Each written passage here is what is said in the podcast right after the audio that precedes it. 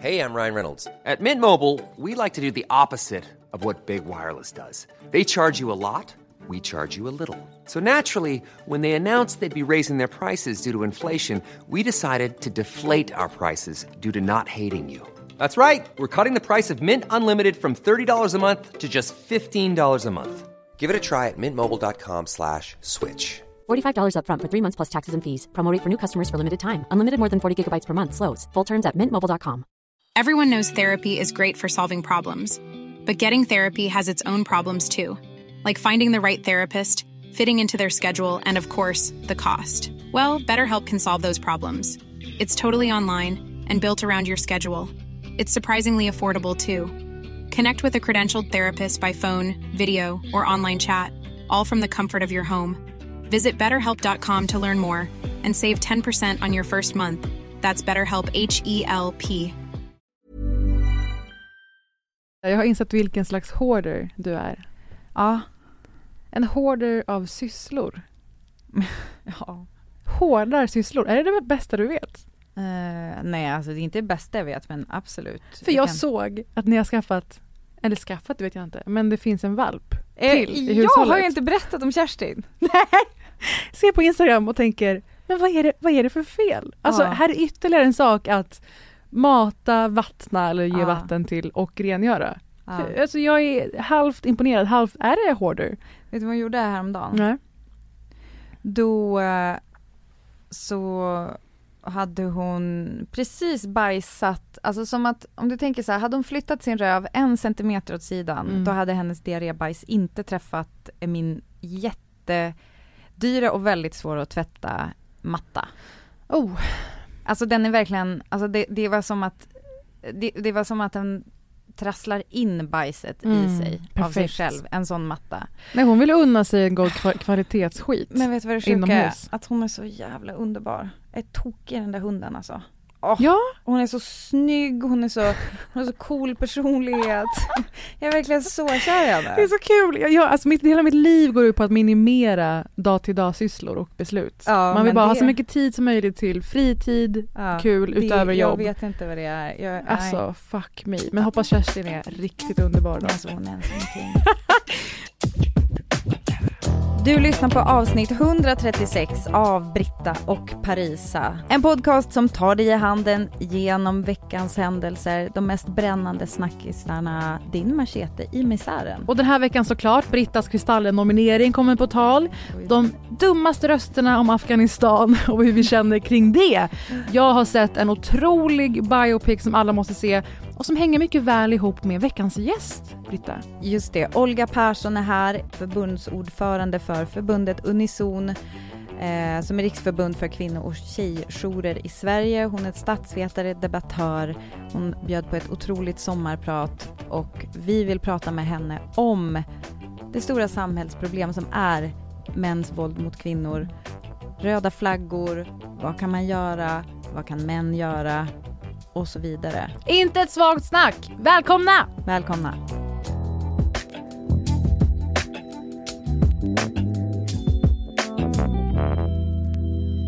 Nomineringen! Ja! Grattis! Tack! Eh, årets livsstilsprogram nominerat. Ja. Hjälp, vi har köpt en bondgård. Jajamän. Jag skulle säga jag, precis. Ja. Det. Du har ju inte det än. Jag menar jag som att en av er hade ja. Eh, första. Nej.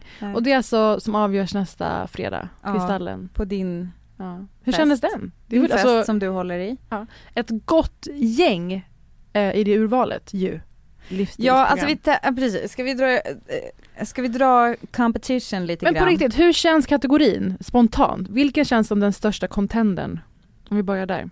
Då skulle jag säga, men det, är- det är så svårt att veta för att typ husdrömmar Ja. Eh, med Gert Wingård och Ann Lundberg är det väl Uff. nu. Eh, och den är ju så himla så här folklig. Mm. Och typ lite så här i vårat område kan jag tycka på något sjukt sätt. Att det är så här folk med en dröm, fast det är mer att de hakar på andra, flera olika som gör det. Men är det Man- folk som har varsin hedgefond? Jag tycker att det här programmet alltså det är fallerar i att jag fattar inte hur de har råd att jag bygga om de här jag husen. vet. Det är som jag ser alla de här mäklarprogrammen, Ah. även det här med Claes Eklund, million dollar listing. Jag vill bara veta hur folk har råd och hur de gör det. Ni är ju Ja. öppna transparenta med att ni kämpar ihop saker och ting. Och det är väldigt mycket do it yourself. Verkligen, men då, och då har vi ju också då en annan sak som är Grand Design Sverige. Ja. Som jag tycker är ett väldigt eh, mysigt program, Mm. alltså eh, liksom lush program att titta Mm. på. Faktiskt. Och det är han underbara mannen som är arkitekt. faktiskt- han är jättehärlig eh, programledare. Jag trodde att han var någon slags eh, skribent med, alltså typ Mm. Alltså skriver om arkitektur, Ja. i alla fall i residence och sånt där. Okej, utöver dessa finns även Tarek Taylors matresa Ja. och Seniorsurfarna. Vilket alltså är inte vad man tror, att det är någon sån här härlig hänga med åldringar till Tener- Teneriffa. Och de lär sig Nej, surfa. vad är det då? Det är äldre människor som lär sig använda internet. Då tänker du, ja då på ett ålderdomshem. Ja. Siv Malmqvist, Johan Rabaeus, Jaha. ehm, Carl Jan Granqvist är med på ett hörn och Arja Vänta Saijonmaa. förlåt, jag måste bara säga, alltså Johan Rabaeus är ju inte tekniskt sett äldre människa. Alltså han är ju inte Senior! Är han senior ens? Nej men jag tror inte det, men jag kan mycket väl tänka mig att i datavärlden, jag kan verkligen tänka mig att han hade inte en smartphone förrän 2015. Vänta nu, han är född 47, han är alltså 74. Han ser bara purung ut tror jag. Han ser spänstig ut. Men det du, det du lanserar nu är ju liksom hundår, dataår. Hur gammal Ja. är man i dataår? Där tror jag att jag är mycket äldre än vad du är. Du vet ju hur Mm. teknofobisk jag är. Ja, precis. Jag, jag, eh, jag har ju alltid älskat, men jag upplever inte dig som så, jo okej, mm, ja. Hon, så, hon, kolla, inte- hon kollade nu på Jo, poddutrustningen vad? och min aversion Okej, för att... Där skulle jag vilja dela Ja. in det i två grejer, eh, kulturellt Mm. eller tekniskt. Mm. Alltså rent tekniskt teknofob, Mm. absolut, det, det är du ju. Men du är ju inte det kulturellt, alltså det är ju inte som att du bara, nej det där TikTok, jag förstår inte det. Eller så här, skiter Jo. och inte kan uttala Fast det är liksom, mer olika memes från och så förakt vidare. är det ju. Att jag, jag vill inte legitimera det. Och där Nej, kan man exakt. verkligen prata dat- Nej men menar, dataår fast du har gammal. ändå koll, alltså du har ju ändå, du, har ju, du är ju inte så här typ som att eh, du pratar om Twitter som en, Nej, okej. en person Men äldre eller en än dig, tveklöst, i dataår. Ja, det, det skulle jag hålla med om. Kul att börja räkna i dataår. Mm. Bra Britta, det har Mm. något. Okej, vilken, vilken annan nominerad, Britta, får absolut inte vinna? I min kategori, Bjud oss på detta. i våran kategori. Ja.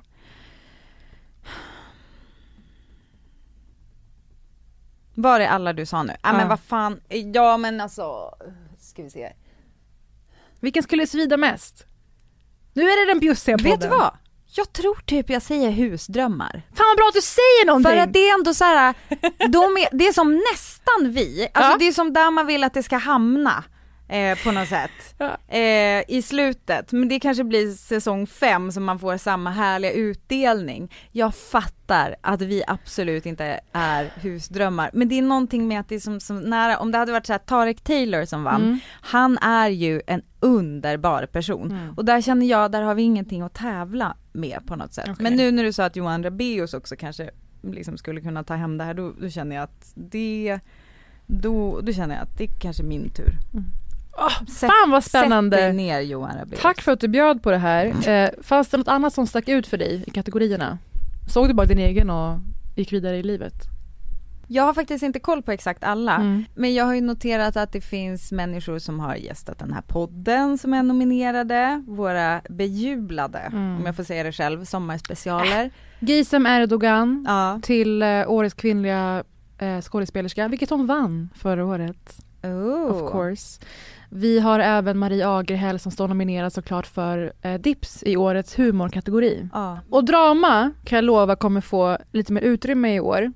Och jag har paxat att få intervjua vinnaren av eh, skådiskategorin. Jag tror vi tog ut det lite i förskott sist, det här vi proklamerade sist att det är undergången nu. Ja. Och då pratade vi om Elon Musk. ja och, Och vi pratade om, fy fan vad jag skäms. Nej men alltså och så att det var hände den här lika bra, veckan. ja, det var lika bra att utomjordingarna kom och tog oss bara. Det tycker vi Vi fortfarande. förtjänar inte, vi förtjänar inte. Nej, det tycker vi fortfarande. Det tycker men vi. det har hänt desto mer sen förra veckan på, i jorden. Vi Eller skulle ha hållit käften. Vi skulle ha hållit käften. Ja. Jordbävning Haiti, 1300 döda. Mm. totalt utsatta slåss om att ens ha pressändning som skydd från Eh, regnet. Och då ska vi se här, Haiti, eh, hur, hur mådde landet innan Mm. jordbävning och hur har Haiti mått de senaste åren och har det kanske varit naturkatastrofer där tidigare? Eh, ja, absolut. Sen eh, har Afghanistan fallit komplett i spillror. Mm. Den lilla civilisation eller lilla samhällsstruktur som fanns. Mm. Mm. Och vilka tenderar att vara de största förlorarna i alla samhällen? Jo, det är kvinnor och flickor och barn. Mm. Mm. Det vi säger om det här, för att det här vet ju alla om att det här har hänt och alla Mm. lider med detta förhoppningsvis. Inte alla faktiskt. Att små flickor tas som sexslavar och att eh, folk slänger sig på ett flyg på landningsbanan, lyftbanan i hopp om att på ytterhöljet kunna hålla sig fast för att ta sig till Qatar. Ja. Eh, jag tänker på att hjälpa på plats-ivrarna. Mm. Vad tyst det. Alltså jag tycker det var så underbart att du lyfte det på Instagram. Mm. Men det är ju alltid där det hamnar om man ska prata med människor som är emot att ta emot flyktingar. Mm. Eh, om man försöker vädja till om de har någon slags eh, empati och då är det så här, jo jo absolut, men vi tycker det är bättre att hjälpa på plats. Och då är vi ju här nu. Men De det här är ju bara där. början. Alltså vi ser ju en ström av klimatflyktingar också. Mm. Där det inte går att leva längre. Mm. Så det börjar bli intressant hur Mm. detta hjälpande ska gå till. Precis. Jag är extra intresserad av de här, de borde stanna och kämpa för sitt land människorna. De har ju gjort sig kända senaste åren i all sorts debatt egentligen. Stanna och slåss för fan, ropas det. Om väpnade konflikter världen över som de har noll inblick i. Känner du till de här så kallade tangentbordskrigarna? Nej. Nej, du har inte nåtts av dem? Nej, som tur. Otroligt gäng! Och det Mm. roligaste med det här är att det här är samma människor som inte skulle klara sig mer än tre dagar utan el och vatten. 100 procent. De, alltså det finns ingen Facebookgrupp som kan rädda dig, Staffan, när talibanerna kommer. Mm. För det är det enda verktyg Staffan har. Mm. Och ändå ska han in där och skriva Fan, har ni ingen mod i er? Och jag tänkte på det här med om katastrofen kommer, pamfletten. Mm. Alltså, att, ja, ta och läs den du, Mm. den dagen en stad ockuperas av religiösa fanatiker. Mm. Och se hur långt det tar dig, Staffan. Att du har några kikärtor i, skafferiet eller samlat lite vattendunkar som du byter nyår och midsommar. Som man ska. Och när du har behövt använda badkaret som shelter för diverse bombräder, Mm. då kan du inte lagra vatten där, Staffan. Nej. Det går inte längre. Nej. Alltså fruktansvärd inblick i hur lite folk förstår om det här eh, läget, Mm. vansinne. Och det enda vi kan säga är ju att man ska stötta UNHCR, Röda Korset och liknande. För att vara till någon hjälp alls Mm. i ja, men, den misär som då framförallt kvinnor och flickor och barn. Mm. Det kan kanske kännas som att det är jättesvårt att hjälpa för att när man ser de här bilderna med flygplanet till exempel så, så är det ganska svårt att se att jag kan göra någonting som når fram till de personerna.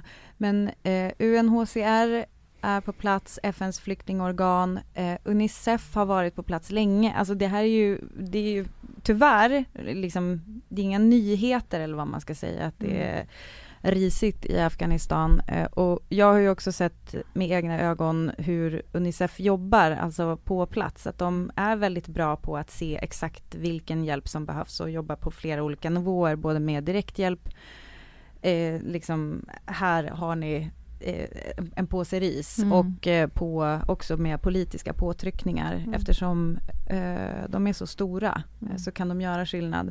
Röda Korset, Röda Halvmånen har också extremt eh, stora möjligheter att göra grejer på plats. Så att, eh, det tycker jag också det där med att så här, vi hjälper dem på plats istället för att ta hit dem. Ja absolut, då vill jag se er månadspeng till dessa organisationer. Mm. Gärna, kör på. Bli eh, världsförälder Unicef, eh, månadsgivare till UNHCR och Röda Korset. Kör hårt alla Alltså, där syster. Ni behöver inte vänta på regeringsskifte. Nej! Helt enkelt. Kör. Hjälp på plats! Ska, Ja. det vara, ska det vara avsnittsrubriken? Så att Jajamän. folk tror att det här kommer handla om att det är liksom Du kan redan nu hjälpa på plats. Kanon! Det finns ju ett system för det. Organisationer sedan 60 år tillbaka. Jajamän. Be my guest Staffan. Mm. Var- Varför Staffan? Men Staffan var ett perfekt namn! Det var ett perfekt namn! Vet du, Staffan, samma man som sitter i såna här grupper och skriver Stanna och slåss för ert land, stå upp för er själva för fan, skaffa lite självrespekt. Det är samma person som är med i en sån där gråt ut offerintervju i Aftonbladet. När så här, glassbilen inte har kommit på en vecka. Det är samma! Skärp dig Staffan! Staffan stå upp för din glasskonsumtion! Lös den själv. Nej vet du vad, Staffan var med i KP när han var typ så här 14 för att han sålde jultidningar och fick en, alltså för jättemycket pengar men fick ändå inte mountainbiken. Han fick bara eh, keyboarden som var tvåa priset. Vi har ju en väldigt spännande gäst med oss idag. Ja. Hon kommer alldeles strax. Och innan dess så vill jag bara säga att jag var med om en otrolig upplevelse i veckan.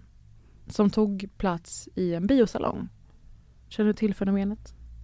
Eh, om jag känner till fenomenet biosalong eller vad du var med om, då undrar jag om det var en sån här vibrerande massagestol Exakt.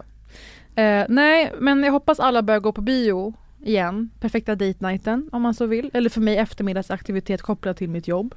Det är upp till var och en liksom. Så jävla, vet du vad jag, vet du vad jag, det är en av sakerna jag beundrar mest med dig Parisa Miri, att du är en förespråkare för ensambion. Jag tycker Nej, men att det är det är sån helt yrkes- underbart. Det är lika gärna man läser en bok själv. Alltså det har Ja. ingen... Nej jag vet, Ja. men jag menar också att det är, jag tror att många sätter det i det sammanhanget att man måste göra det tillsammans med någon. Ja. Ärligt talat, mycket bättre ensam. Jag får också gå på en hel del pressvisningar. Mm. Och eh, jag måste säga så här, det är väldigt sällan man ser blasé mediemänniskor bli berörda. Mm. Än mer sällan att det uppstår applåd i eftertexterna. Oj, starkt. Att Andres Lokko sitter där och är liksom, är det här, hallå? Andres Lokko drog en slow clap. Ja, nu såg inte jag honom Vi, vi säger i myllret, men han är också en person som kan stämma mig om det är så att han inte Nej men med. gud vad hemskt. Men vi har med honom för att det blir kul att se hur det Mm. utvecklar sig. Mm. Den filmen vi såg som gav upphov till den här reaktionen hos en större del av biosalongspubliken eh, publiken handlade om den legendariska artisten, pianisten, samhällsrösten och aktivisten som lämnade oss för tre år sedan och lämnade en värld förändrad av hennes talang och förmåga. Jag pratar såklart om eh, biopicen kring Aretha Franklin, Miss Franklin. I got a single by this new chick named Aretha Franklin.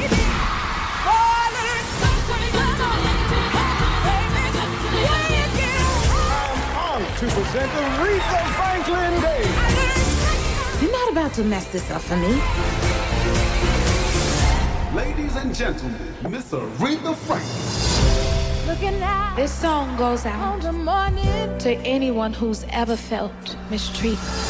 I used to feel sure You need to take a break. I know how to run my business. Have you lost your mind? Maybe I found it. Den heter ju Respect och jag har väntat, jag var, blev lyrisk när jag såg första gången. Att det blir så att det är Oscarsvinnande, underbara Jennifer Hudson som spelar Aretha. För det är ju Aretha själv också som har bett om att det ska vara Jennifer Hudson. Att det är bara Jennifer som kan förstå komplexiteten i hennes bakgrund och uppväxt. Hon, eh, Aretha är uppvuxen i Detroit. Och sen såklart att Aretha Franklins öde oanat trauma och eh, förtryck eh, är väldigt svårspelat.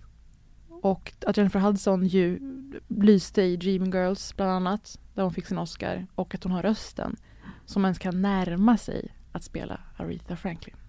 Så det här var ju, jag gick ju in där med enorma förväntningar och enorm nervositet.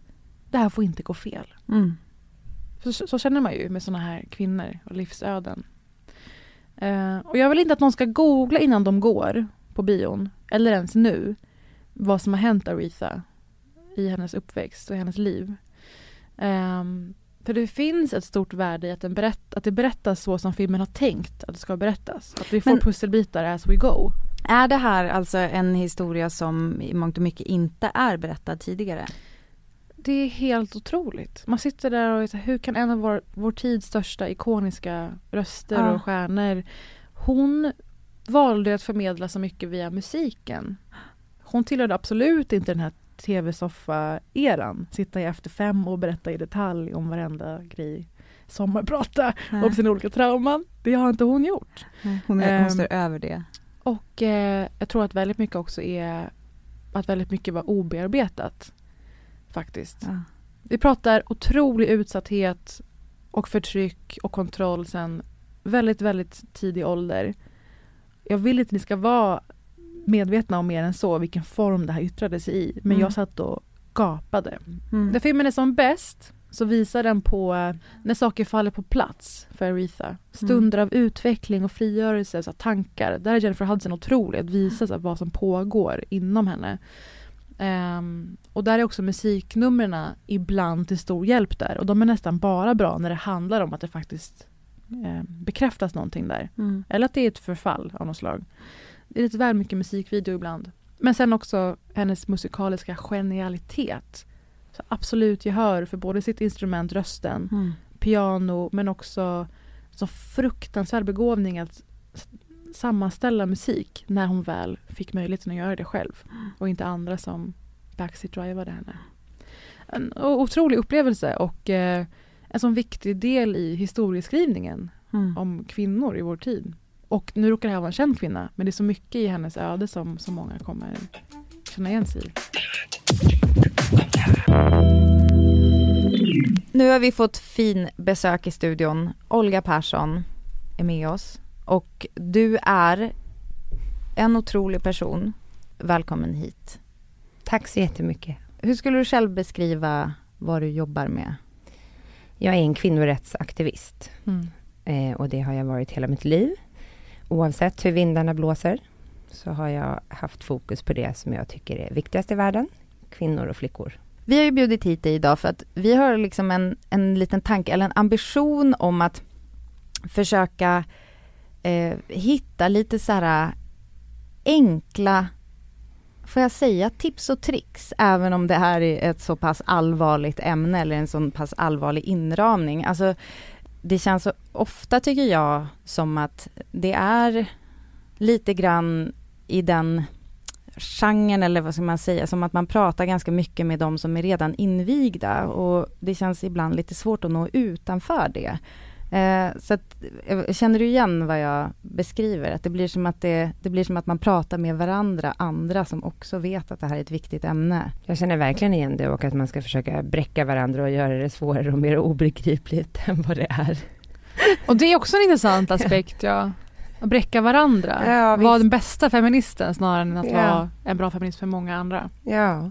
Att finnas i människors vardag mm. är ju den stora utmaningen, inte mm. att säga rätt ord. Och hur finns vi då i människors vardag? Om vi börjar där. Först och främst så tror jag att det är verkligen ett medvetet val. Och det tror jag är väldigt viktigt att man kommer ihåg att man väljer om eh, det här livet varje dag. Och jag minns så väl när jag valde det. Det var liksom i lågstadiet efter att jag, då började man skolan när man var sju år. Men att jag ville vara med tjejerna. Jag ville inte vara en av grabbarna. Och att det blev så otroligt tydligt att det liksom fanns två läger bland mm bland tjejerna på något sätt. Mm. Och att jag ville stå på tjejernas sida och jag kan inte riktigt beskriva varför det blev så. För mig var det en, en väldigt stor uppenbarelse och insikt att det här kommer vara mitt liv. Mm. Sen får liksom män och killar, de får komma och gå. Men det här kommer vara mitt crew. Jag ska lägga min tid på att bygga vänskap och att liksom finnas där. Mm. Och det tror jag är en, en sak som man bär med sig hela livet. Att liksom i vardagen på olika arbetsplatser som man är på, i olika sammanhang, olika middagar och mingel och allting. Att så här, ställa sig med tjejerna. Det blir mm. väldigt mycket lättare då eh, att få erfarenheter och kunskaper om sig själv och om andra. Om man hela tiden liksom väljer den vägen. För det är ju väldigt lätt att välja den andra vägen. Att liksom vilja spela på killarnas planhalva hela tiden. Alltså gud, det är det bästa vi vet att prata om. Ja, alltså och mycket för att... Manstillvända ja, feminister, ja, om de ens kallar sig feminister. Ja, mm. men och framförallt för att eh, jag helt ärligt har ju varit en sån och det berodde ju på att jag tyckte att det verkade mycket roligare borta hos killarna. För att de hade större friheter och de fick eh, vara mycket mer olika typer av personligheter och så vidare. Jag kände det som att tjejer fick bara vara tjejer typ. Mm. Och nu skäms jag ju när jag säger det. Eller jag menar, alltså jag önskar att jag hade valt tjejer i större utsträckning. Men jag menar det beror ju också på det här tänker jag, som vi ska prata om. Just att Bara för att stanna där, det hänger ju också ihop friheter. med att så här, det ska vara mer tillåtande och friare för flickor och kvinnor. Att det där inte ska landa i så här, vilka du väljer att umgås med utan så när det kommer till kritan. Mm. När det skrattas åt tjejer, när kvinnor hånas eller när du hör att någon har gått hem med en tjej och det var inte helt okej, okay, en killkompis. Mm. Gör du en grej av det eller inte? Mm. Alltså så här, fine, umgås med vem du vill. Mm. Men vilka solidariserar du dig med när det väl har hänt någonting? Eller jag när det ska det anlitas någon eller allt möjligt. Jag tror att det handlar väldigt mycket om det här förlegade ordet solidaritet på ett liksom sätt som är svårt att beskriva på något annat sätt än, än att man just väljer sida. Mm. För ibland i livet i dagens samhälle så handlar ju allting om att man ska kunna stå på båda sidorna samtidigt och hålla två tankar i huvudet samtidigt och man ska mm. nyansera och problematisera. Eh, som jag också tar upp lite kort i sommarprogrammet men som tyvärr inte fick plats så mycket som jag önskade. Men det gör ju också att kvinnor hela tiden inte tränas i att välja kvinnor och flickors sida. Mm. Nej, du kanske inte kommer älska henne eller älska allt hon har gjort eller älskar allt hon liksom tycker är viktigt eller roligt eller så. Mm. Men när det gäller så mm. får man liksom bara välja sida mm. ibland. Och det kan ju vara så enkelt som de här små liksom, mikrohandlingarna i vardagen, att mm. liksom gå och sätta sig bredvid henne i lunchrummet så här, dagen efter julfesten. Och bara säga, hej hur mår du? Eh, och jag tror att det är någonting som man också, när man har övat på det några gånger, då kommer det helt sen naturligt. Det är som allting annat, alla så beteenden. Mm. Man övar några gånger att räcka upp handen först och bara nej jag håller inte med. Och sen så gör man det. Mm. Och det betyder ju inte att man aldrig mer ska umgås med killarna. Eller du vet, allt det det betyder aldrig mer att man inte gillar det som de gillar att göra eller Exakt. så. Mm jag är ingen tjej-tjej och passar väldigt sällan in i de här när man pratar inredning eller utseende eller mm. nu när jag börjar bli gammal och alla bara pratar om åldrande hela tiden, typ så här kroppen åldras mm. och man känner sig ful och så här. Då blir jag jätteointresserad mm. och då går jag och pratar med, killarna kanske. Alltså för det, mm. jag orkar inte prata om, om kroppen hela tiden. Det, det, har jag gjort så himla mycket. Ja.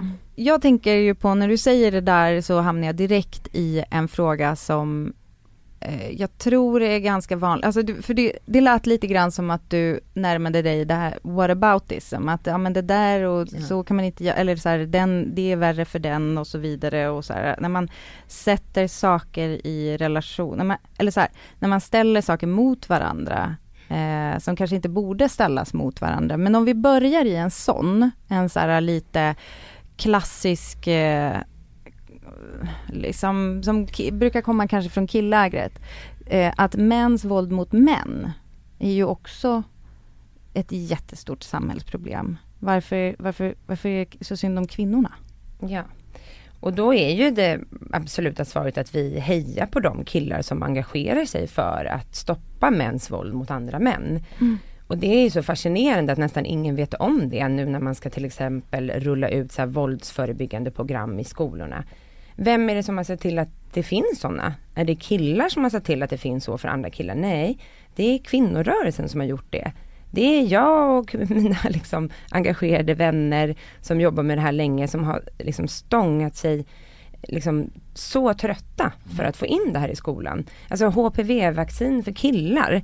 sådana enkla saker. Mm. Det är liksom vi kvinnor som jobbar för att det ska vara så. Det är ju nästan inga män som liksom står upp för sig själva på det sättet. Och det är oerhört ledsamt att se att den här mansrollen är fortfarande så stark. Mm. Så att de inte ens kan engagera sig för sig själva. Mm. Hur ska de då kunna engagera sig för någon annan? Mm. Men det är så roligt för du säger ju i sommar det, det här liknande resonemanget apropå män, eh, kvinnor som slår män då. Ja men kanon, gå och starta din rörelse. Gå ja. ihop med dina mm. kompisar. Men sen Sätt det igång. andra är ju också att det du beskriver Britta, att uh, män som utövar våld mot andra män, det är ju ett annat symptom av samma problem. Mm. Ja. Så det hänger ju också ihop med ert ja. arbete egentligen. Det hänger verkligen ihop och det är det mm. som är den stora utmaningen att se att det är en helhet och samtidigt inte hamna i den här whataboutismen där alla hela tiden tycker att kvinnor ska lösa alla världsproblemen. För att jag, jag tycker att jag är så pass tydlig med att här, det här är mitt val i livet. Jag jobbar för kvinnor och flickors rättigheter. Att inte utsättas för våld, att inte våldtas, mm. att liksom få vara, leva sina liv precis som de vill. Jag kommer inte jobba med allting annat. Det är klart att det innebär att jag då väljer bort saker. Mm. Och det kan ju vara så viktiga saker som miljö och allting. Det är klart att Mm. allt hänger ihop. Mm. Men jag kan inte vara expert på alla de områdena. Till exempel då som jag säger i programmet också, liksom kvinnors våld mot män. Det är klart att det finns tokiga kvinnor som utövar våld. Alltså det är ju en handling som alla människor kan välja att utöva, även kvinnor. Mm. Alltså våld mot en annan person. Men just det är ju inte ett stort samhällsproblem som just jag måste ta tag i. Och då kan ju någon annan göra det. Och det tycker jag är lite konstigt att inte fler människor ändå säger, att man inte vågar försvara sig. Och ni måste ju vara ännu mer i det, alltså ni som är liksom kändisar och har en podd, att så här, ska ni inte ta upp det här och ska ni inte sprida det här och ska ni inte göra det här? Och, Jo tack. Alltså de, Det flesta, vara- de flesta ändå formulerar det, ska vi säga, paketerar det som ett så här, här är tips till veckans lyssning. Det skulle vara Mm. intressant att höra om X. Det är ju Mm. supervälkommet, det älskar vi ju. Ja. Men inte sällan så är det, hur kan inte ni ha tagit upp det här? Ja. Förlåt? Ja. Förlåt? Nej, Då men är det det, det. precis. så och Det, lite så här, ta upp det själv då. mm.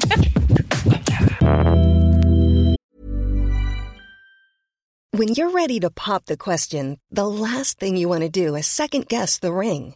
At Bluenile.com, you can design a one of a kind ring with the ease and convenience of shopping online. Choose your diamond and setting. When you find the one, you'll get it delivered right to your door. Go to Bluenile.com and use promo code LISTEN to get $50 off your purchase of $500 or more. That's code LISTEN at Bluenile.com for $50 off your purchase. Bluenile.com code LISTEN. Everyone knows therapy is great for solving problems, but getting therapy has its own problems too, like finding the right therapist, fitting into their schedule, and of course, the cost. Well, BetterHelp can solve those problems. It's totally online and built around your schedule. It's surprisingly affordable too. Connect with a credentialed therapist by phone, video, or online chat, all from the comfort of your home. Visit betterhelp.com to learn more and save 10% on your first month. That's BetterHelp H E L P. Men som sagt, vi är övermänniskor, många av, av oss som har ett uppdrag att, att representera. Så är det ju och det får man ju bära. Att man liksom har en, inte en maktposition. För att det skulle jag inte säga. Jag pratade med en, en kvinna idag och, om kvinnojoursrörelsen. Att vi fick vara med i Sommar i P1 eller att Mm. jag fick vara med i Sommar i P1. Det har alltså aldrig hänt förut. Nej. Att Mm. någon som har varit engagerad, det är alltså, måste vara hundratusentals kvinnor idag som Mm. har vikt sin fritid utan någon uppmärksamhet, utan några pengar till att göra det här. Och att någon är intresserad av våran verklighet var ju jättestort. För vi är alltid längst ner liksom på skalan. Mm. Vi är alltid minst trendiga, vi blir aldrig inbjudna i Och då Helenius hörna har inte hört av sig? Helenius hörna, jag vet knappt Vem vad det är är. Nej, de skulle aldrig höra av sig till Shots mig. Shots fired! Men hur, alltså om man då... Eh, ja men det, för du är inne på det här liksom att det inte är trendigt och så vidare. Va, Men alltså, nu ska det bli det. Och det, Ja. Vet du vad? Det har politiserats på ett sätt som gör att det nästan är kontroversiellt. Man bara, du beskriver det som en underground-rörelse i sommar. Mm. Och det är också så här, helt bisarrt för ni är ju en enhet, just Unison som du leder är ju 130, eller hur? 137, ja. Kvinnojourer. Olika verksamheter runt om i Sverige. Både tjejjourer och ungdomsjourer och kvinnojourer. Och jag har jobbat med er på en eh, Forum jämställdhet Mm. och fick träffa de här individerna. Och det är så mycket eldsjälar och det är så mycket förmågor som jobbar inom kommun, Socialstyrelsen. Det är så många kompetenser på samma yta. Mm. Och att ni då alla betraktas som underground. Mm. Ja. Får man fråga bara innan vi går in på ett mer tips och tricks. Mm. Du tar upp hur Anders Ygeman till exempel är helt inkompetent inför frågan. Det är han ju. Jag skulle inte säga att han är inkompetent men han är en del av en, en kultur som Mm. inte ser kvinnohatet och den Ja. blir så uppenbar när du sätter ord på den Mm. så ser du hur stor liksom, okunskap och vilken blind fläck Mm. vi har för det i Sverige idag. Och det, jag ska i ärlighetens namn också säga att eh, det har vi också bidragit till, alla vi som, vi tre som sitter i det här rummet och Mm, många andra, när vi försvårar frågan, alltså när vi använder ord som inte människor kan förstå, när vi använder exempel som inte är relevanta i människors vardag, när vi glömmer bort att de flesta liksom unga tjejer och flickor idag fortfarande hatar sina kroppar och blir utsatta för sexuellt våld eh, för att de är flickor. Mm. Alltså, det är så enkelt om, inte, egentligen. om vi inte kan beskriva det så känner ju ingen igen sig och ingen vill vara med. Men var är det tycker du konstigt. att vi går snett då? Alltså var, var är det vi tappar folk? Alltså just det där att prata så att folk inte förstår eller att man, eh, att ämnet hamnar lite för långt bort ifrån eh, den det faktiskt drabbar eller vad man ska säga. Var, var, var, är det du tycker vi går snett? Alltså ett jättebra exempel var ju den stora folkhälsoundersökningen eh, som gjordes av Folkhälsomyndigheten som liksom, eh, liksom, om svenska sexualvanor som presenterades 2017. Mm. Och då har man en två dagars liksom, konferens om det här resultatet där liksom hälften av Sveriges kvinnor har varit utsatta för sexuella övergrepp. Hälften av alla unga killar, det som jag också tar upp i sommarprogrammet, tittar på porr varje dag. Mm. Liksom, majoriteten av kvinnor har aldrig ens sett porr. Det, det är så här, det tar man inte upp under två dagars konferens, utan man har tre expertforum liksom, forum som är jätteviktiga, som handlar om migration, hbtq och eh, funktionsnedsättningar. Det var expertpanelerna. Sen fick jag vara med på en panel som var allra sist av två dagar som skulle prata om kvinnor och flickor. Varför har man inte liksom en expertpanel som handlar om det största resultatet i den här gigantiska befolkningsstudien som visar att vi har så mycket våld och sexualbrott mot kvinnor och flickor i Sverige.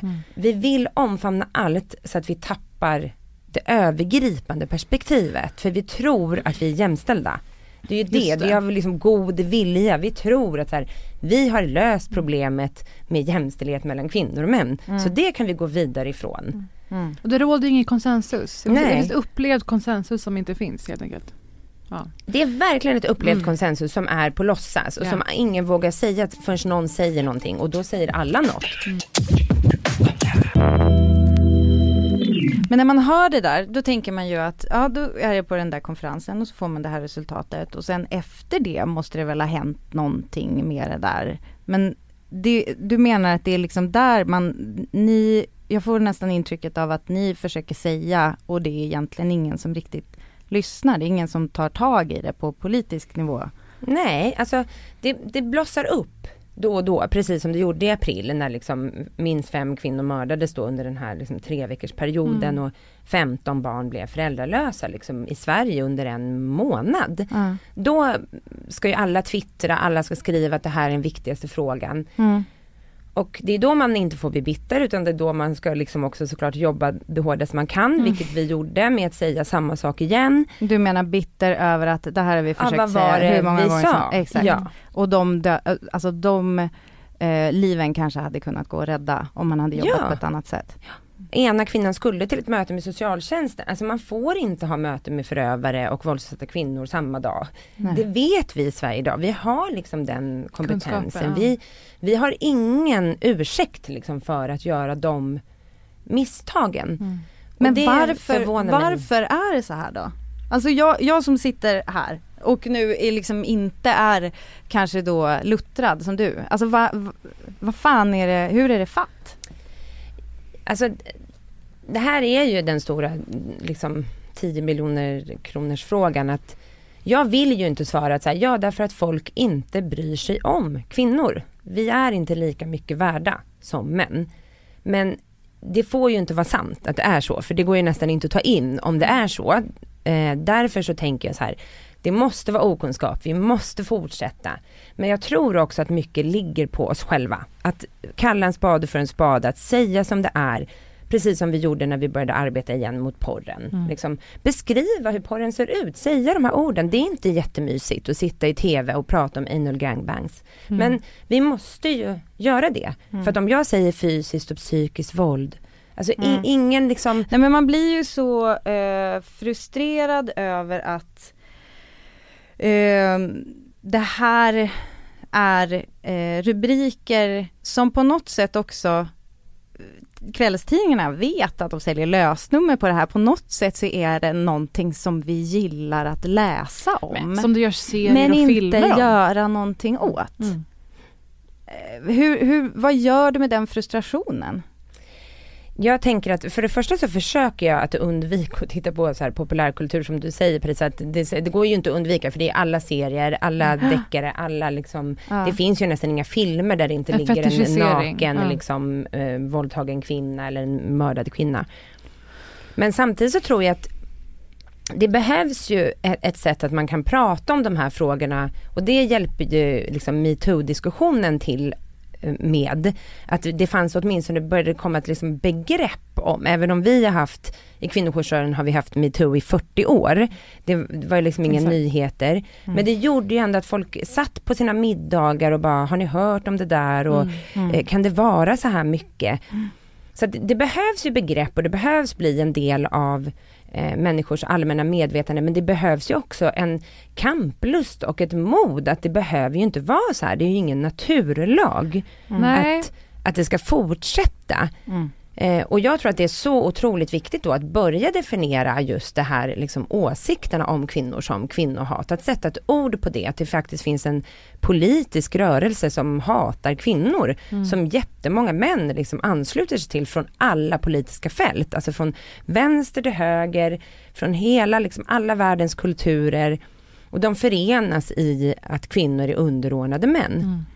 Och det går liksom att ursäkta nästan vad som helst med det. Mm. Eh, och jag tror att det är så otroligt viktigt att hitta ett begrepp för det och att våga ta det ordet i sin mun. För det, när vi pratar om Anders Ygeman, jag tror att det var det, han liksom blev lite chockad. Så här, hatbrott, det är mot minoriteter. Ni vet, man bara, ja, och kvinnor är ju ingen minoritet. Det, det börjar dessutom... bli, har ni sett det? Ja. På grund av uh, könsselektion så minskar ju mängden flickor i relation till pojkar drastiskt över världen. Det kommer bli en brist på flickor vad, vad det råder om några år.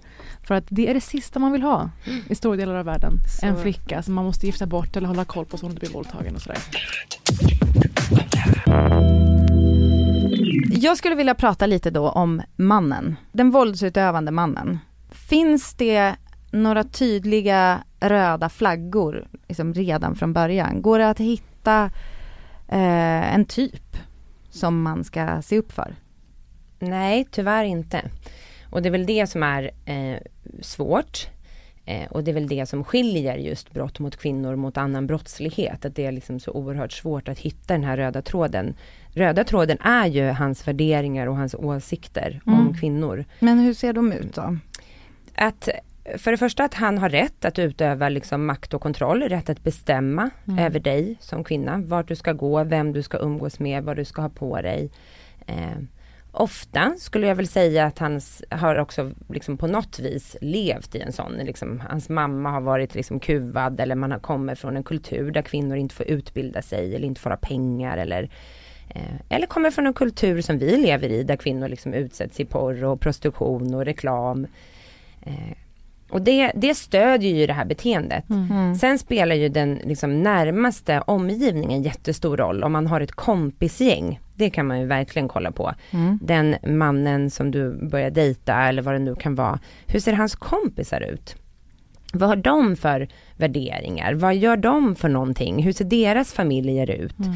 Eh, är det så att det liksom är ett stort grabbgäng som höhöar väldigt mycket så är det ju liksom ganska sannolikt att han håller med liksom, mm. om, om det som kommentarer och liksom sätt att leva som de här kompisarna har. För man påverkas så mycket av sina vänner fast man är liksom 50 år eller 20 år eller så.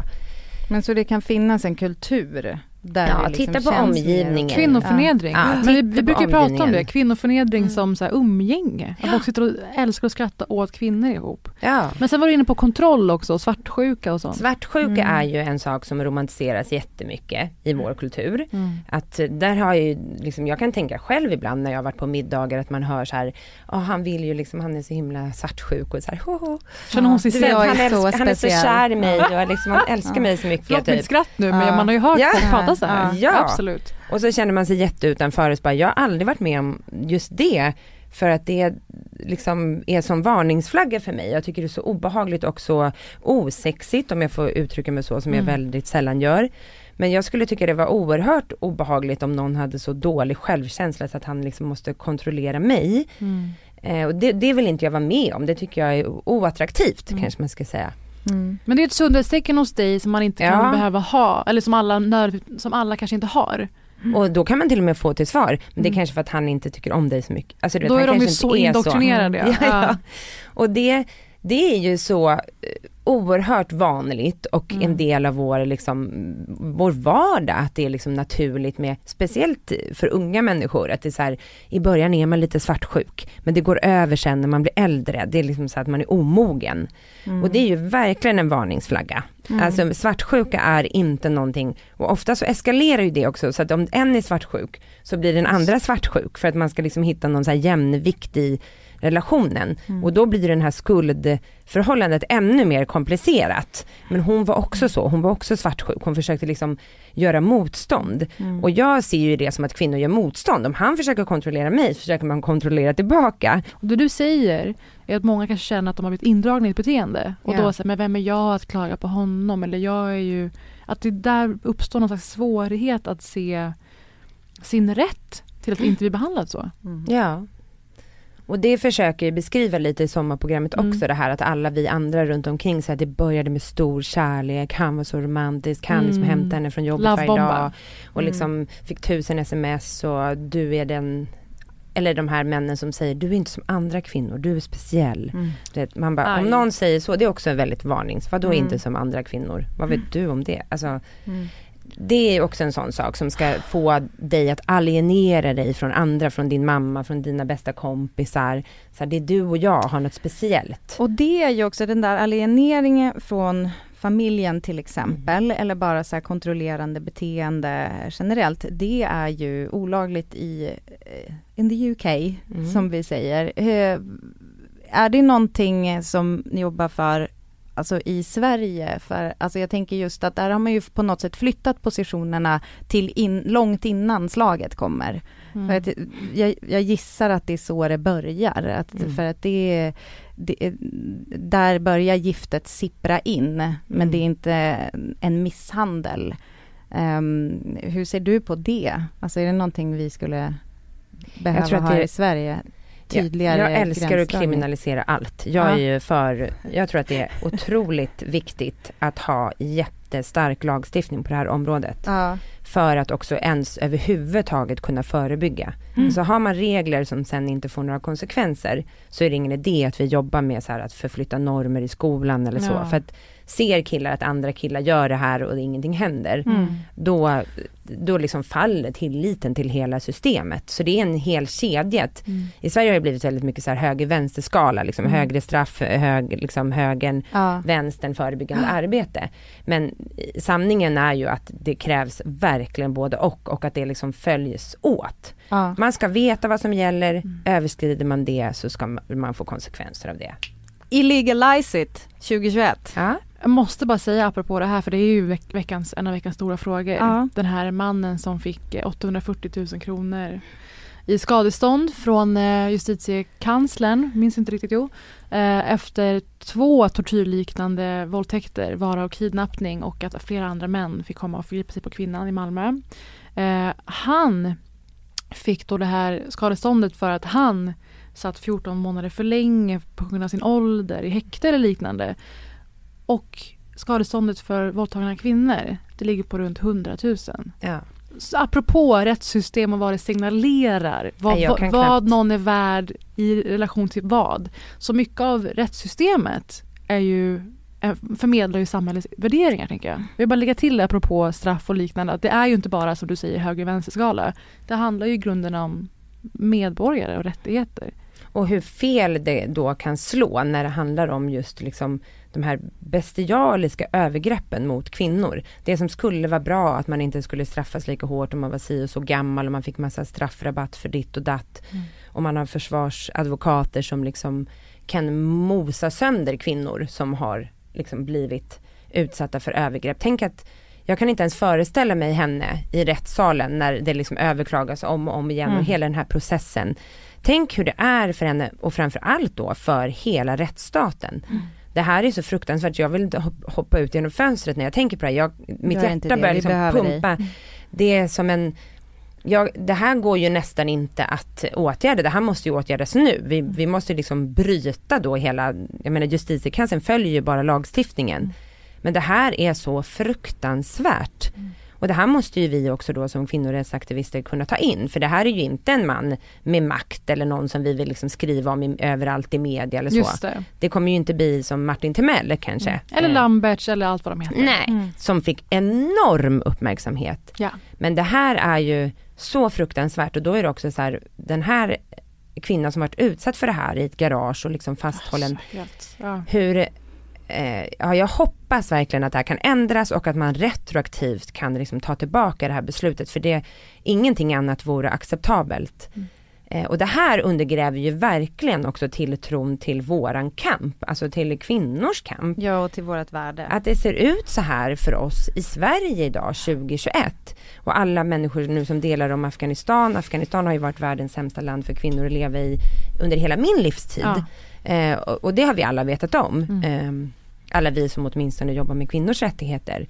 Och det här är liksom, vi har ingen ursäkt i Sverige idag 2021 att göra så här i en rättsstat. Andra länder är inte lika utvecklade i demokratiska system, i, liksom, i politik eller i resurser. Men vi är ju det. Och det är så fruktansvärt, när det här kommer, man kunde ju nästan inte tro först att det var sant. Nej jag trodde det var ett meme. Jag trodde det, det var fake news. Någon form av liksom förtal eller liksom Ja. någon som sprider. Men så upplever jag ju det ofta när kvinnor, när, när jag hör berättelser liksom, så upplever jag ju ofta att det här kan nästan inte vara sant. För att det är för svårt att ta in det. Det blir liksom, marken gungar och man blir liksom, man kan inte föreställa sig den här mannen eller killen heller. Vem är han? Hur kan man göra så här mot, mot andra människor? Men det blir ju också mer begripligt när man tittar på porrkulturen till exempel, som jag då har behövt göra de sista fem åren Mm. väldigt intensivt. När man ser att världen kan titta på det här och acceptera det som underhållning, då förstår man ju också att vanliga eh, killar blir så här. För om vi går tillbaka lite till eh, den här eh, gärningsmannen, för eh, jag pratade med min man om det här tidigare idag, bara för att, jag menar, jag är ju så djupt inne i det och vi pratar ju om eh, liksom kvinnors rättigheter hela tiden, men, men för honom då som är, är ju a dude, eh, så jag var- var nyfiken på vad han funderar på, på kring mäns våld mot kvinnor och då lyfte han en fråga kring hur den här mannen liksom rättfärdigar sitt våld. Och om det finns någonting, eh, ja, om det finns ett sätt att närma sig problemet i det. För när vi pratar nu om det här med så här kontrollerande beteende och det är svartsjuka och så vidare. Eh, fattar han att det han gör är kontrollerande? Fattar han att han tar sig rätten att begränsa eh, sin sambo eller sin flickvän? Eller är det liksom, hur ser det ut för honom? Jag är helt övertygad om att han förstår. Annars skulle Ja. vi ju ha extremt många så här, svagbegåvade män i världen. Ja. Eh, och det kan vi ju rimligtvis inte ha. Alltså då är det ju något biologiskt fel som inte jag känner till. Men jag är helt övertygad om att han förstår. Eh, sen så är jag helt övertygad om också att för att man ska utsätta kvinnor för det här så gör man henne till horan. Mm. Att man delar upp kvinnor i liksom kvinnan, det är kanske din mamma eller din syster. Mm. Och sen så finns det horan. Och horan kan också vara samma kvinna såklart, men Mm. när du ska liksom tuktas eller straffas eller så, så Mm. blir du horan.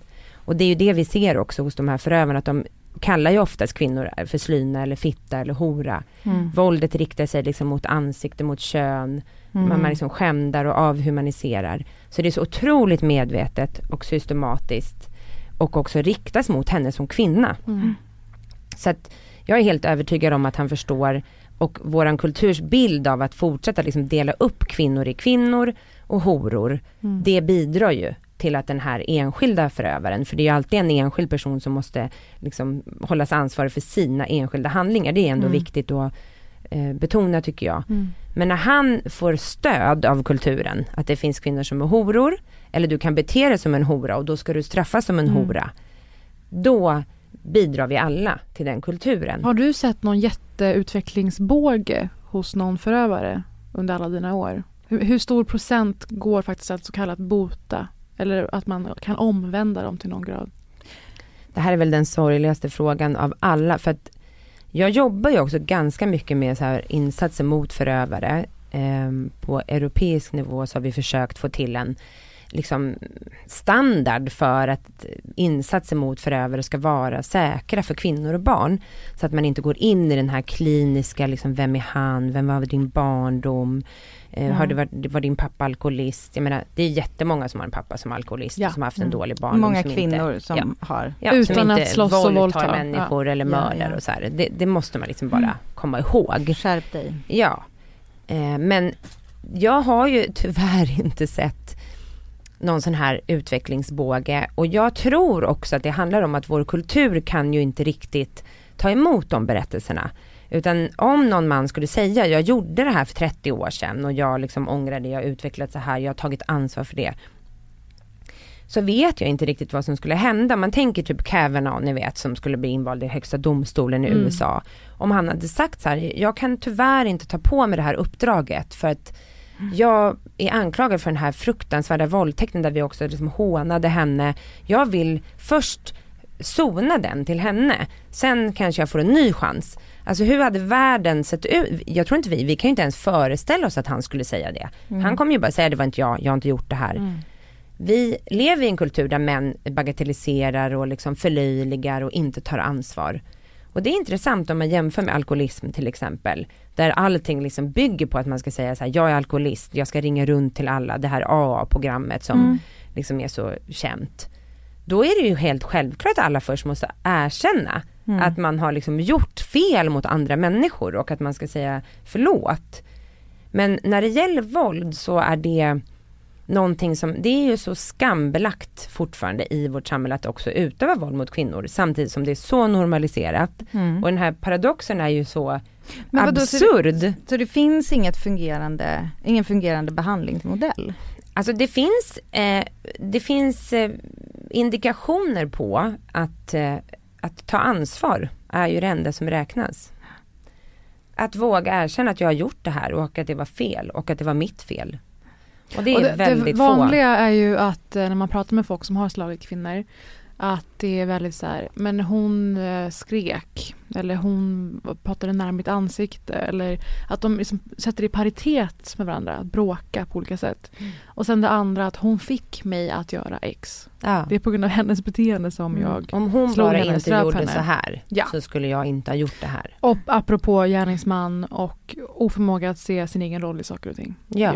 ja jag blir ändå nyfiken på eh, en till sak med gärningsmannen och det är ju att vi vet ju att det är alla typer av män i alla samhällsklasser med alla, liksom, alla bakgrunder och eh, utbildningsnivå spelar ingen roll.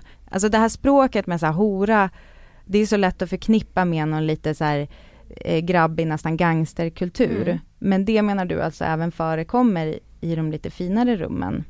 Ja, och det tycker jag att vi systematiskt ska börja dokumentera.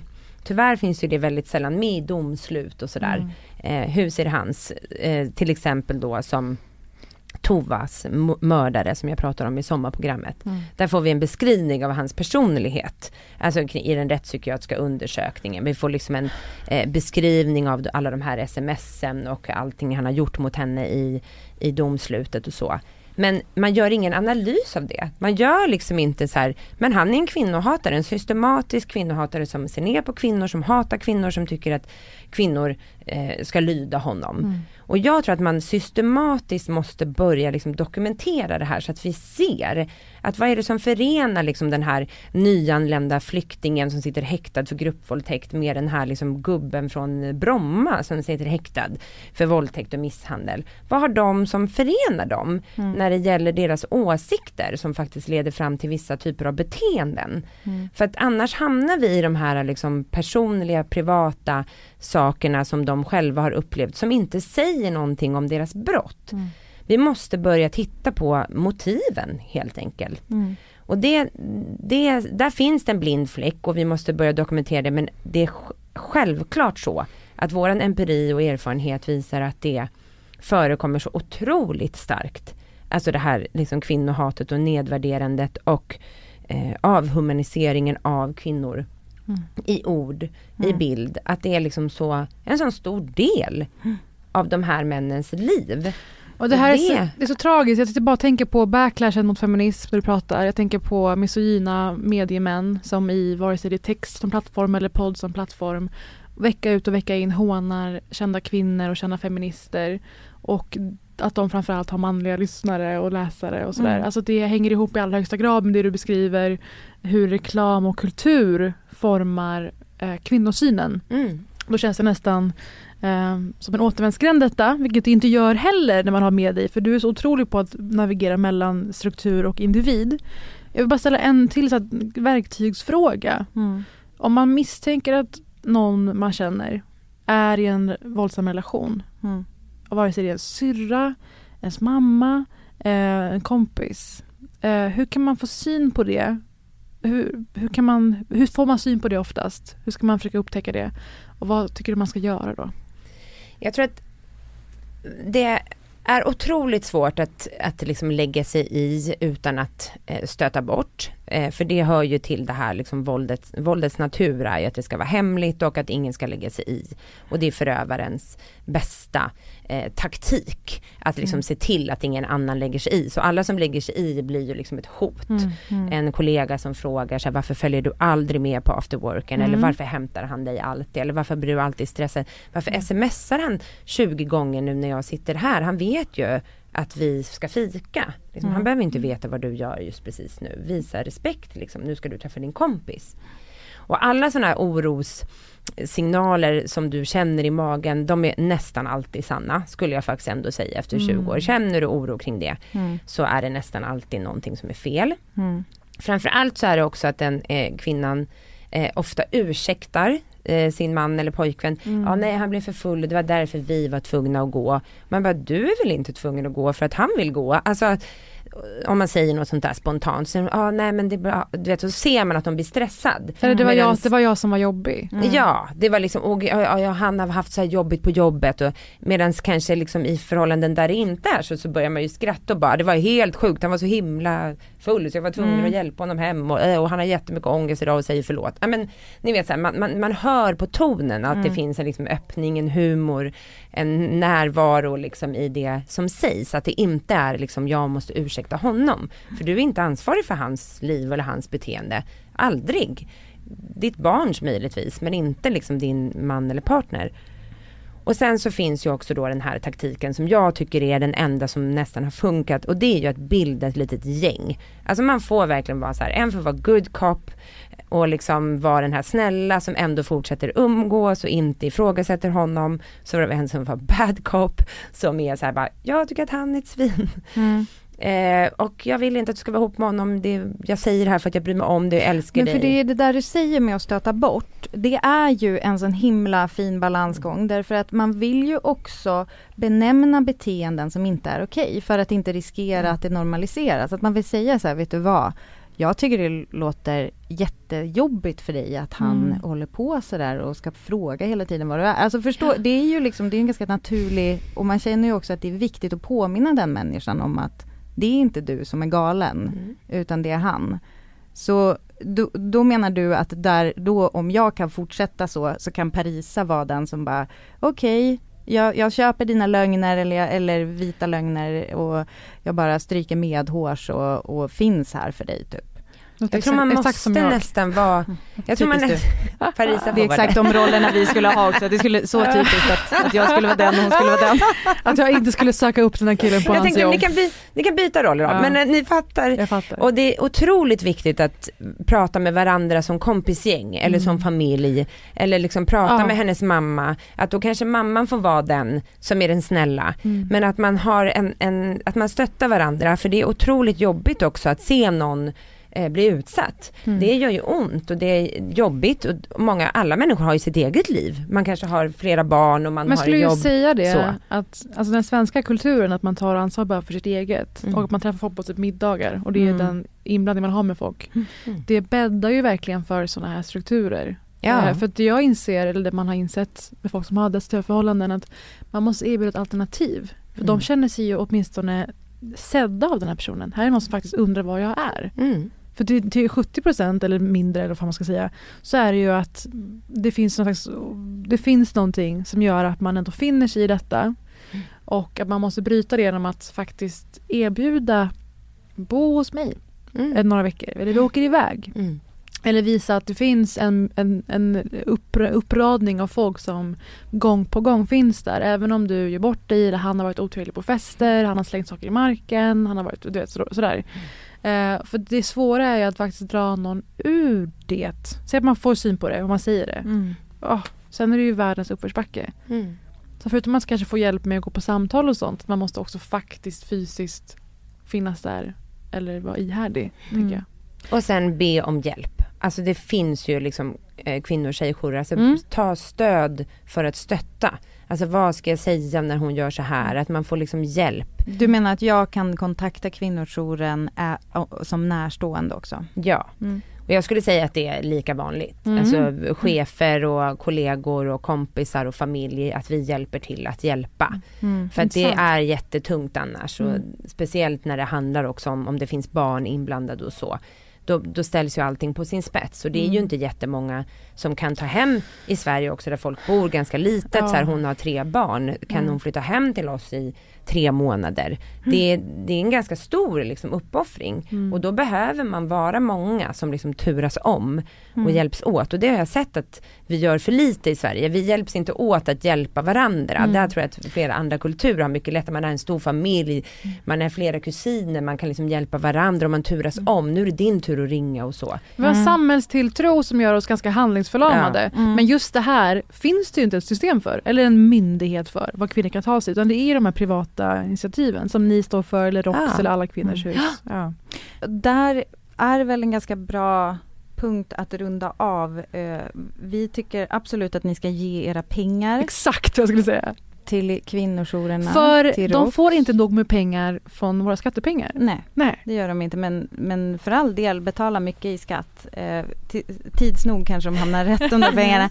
Eh, Unison jobbar du för. Mm. Eh, behövs volontärer det behövs alltid människor som är engagerade och vi är ju Sveriges största folkrörelse för mm. ett jämställt samhälle fritt från våld och det är ju tusentals aktiva. Och det behövs alltid eh, människor som kan hjälpa till och framförallt med andra kompetenser mm. än just liksom stödsamtal eller chattar. Det finns folk som är duktiga kommunikatörer, så där behöver vi bli jättemånga fler, mm. det behöver folk som tar det här vidare till sin arbetsplats, att gräva där man står. Mm. Eh, det är ju så vi har byggt det här samhället som vi lever i idag. Att kvinnor som har varit engagerade nu jobbar på olika platser och så tar man med sig den här mm. erfarenheten mm. in där du är. Alla är inte bra på samma saker mm. Mm. och det är ju jätteviktigt att komma ihåg och sen framförallt för killar och män att konfrontera sina kompisar. Ja. Alltså det är ju liksom, jag har varit med om det kanske två eller tre gånger i mitt liv att det har hänt. Där man faktiskt säger bara, men sluta nu liksom. Alltså Vad bryta den manliga solidariteten. Ja, mm. hur ser du på tjejer egentligen när du säger så här? Och mm. Vad menar du när du gör så här mot mm. henne? Mm. Alltså det behöver ju inte vara så att du för aldrig mer umgås med honom. Utan att du vågar ta diskussionen. Mm. mm. Bara, nej jag tyckte inte att det här var roligt. Det räcker ju med att säga så. Fan vad underbar du är och allt känns möjligt i närheten av Olga Persson. Ja, ja, otroligt underbart. Och uh, nu när vi pratar om det här vill jag bara rikta en liten shout-out också till alla som jobbar inom vården. Jag har på sistone uh, sökt vård. Jag har ju så här blåmärken för jag jobbar på gård du vet jag så här, uh, ja men blir sparkad av någon kalv eller liksom går in i någon järnspett. Hände, obs. Och, men att jag fick frågor om mina blåmärken när jag ja, sökte vård för en helt annan sak. Och jag tänker också att eh, de jävla kingarna som finns ute eh, och träffar kvinnor mm. och faktiskt tar den lilla stunden de har och faktiskt oj, oj. också ställa en fråga. Mm. Jag, blir så, jag blir så rörd av det. Verkligen. Det kan verkligen rädda liv. Vi pratade om Aretha Franklin-filmen innan. Mm. Och där är det ju först när folk, det börjar bli känt, folk börjar märka, som hon själv inser hur ovärdigt det är. Att det är typ först när man får ögon utifrån som man säger hmm. Mm. Och jag hade också en incident, eller några, där faktiskt någon i vården, när jag kollapsade för typ andra gången på fyra veckor, alltså emotionell stress kan man väl kalla det, men var en destruktiv relation, mådde inte bra. Eh, där faktiskt någon föste upp min mamma ur akutrummet och satte sig med mig och sa vad är det som händer, vem är det som får dig att må dåligt och behandlar dig illa. Ja. Och jag bröt ihop. Och det var liksom en sån eh, tända lampan i huvudet grej. Mm. Verkligen. Alltså dels vården men också så att det, man kan ju vara den personen för någon annan också. Precis. Ja. Ni finns på skolor och ni Mm. finns, det, det kan också vara en, ja fan vet jag, det kan vara i omklädningsrummet på gymmet. Mm. Alltså bara att ställa den där frågan. Det kanske är lättare att vara den där lite obekväma när det är någon man inte känner så bra. Mm. Och det kanske inte är så att den personen kommer anförtro sig. Men det kanske finns en liten tankeställare. Det sätter igång en rörelse och du Mm. behöver inte ta hand om den personen resten av livet för att du ställer en fråga och ger Mm. den personen en kram. Mm. Och säger jag ser, det är inte okej, det är inte ditt fel. Mm. Och det måste man komma ihåg. Så jävla bra. Tack Olga. Tack. För allt Tack, du gör. Olga. Tack Olga. Alltså nu, Mm. alla som lyssnar på det här swishar en summa till Olga för det här är hennes arbetstid. Mm. Vi alla måste ihop. Precis, nu är vi skyldiga henne. Ja, så gör vi. Alla ska också printscreena till oss vad ni har swishat. Nu kör vi. Ja. Tusen Puss. tack. Tack. Ja. Tack så jättemycket.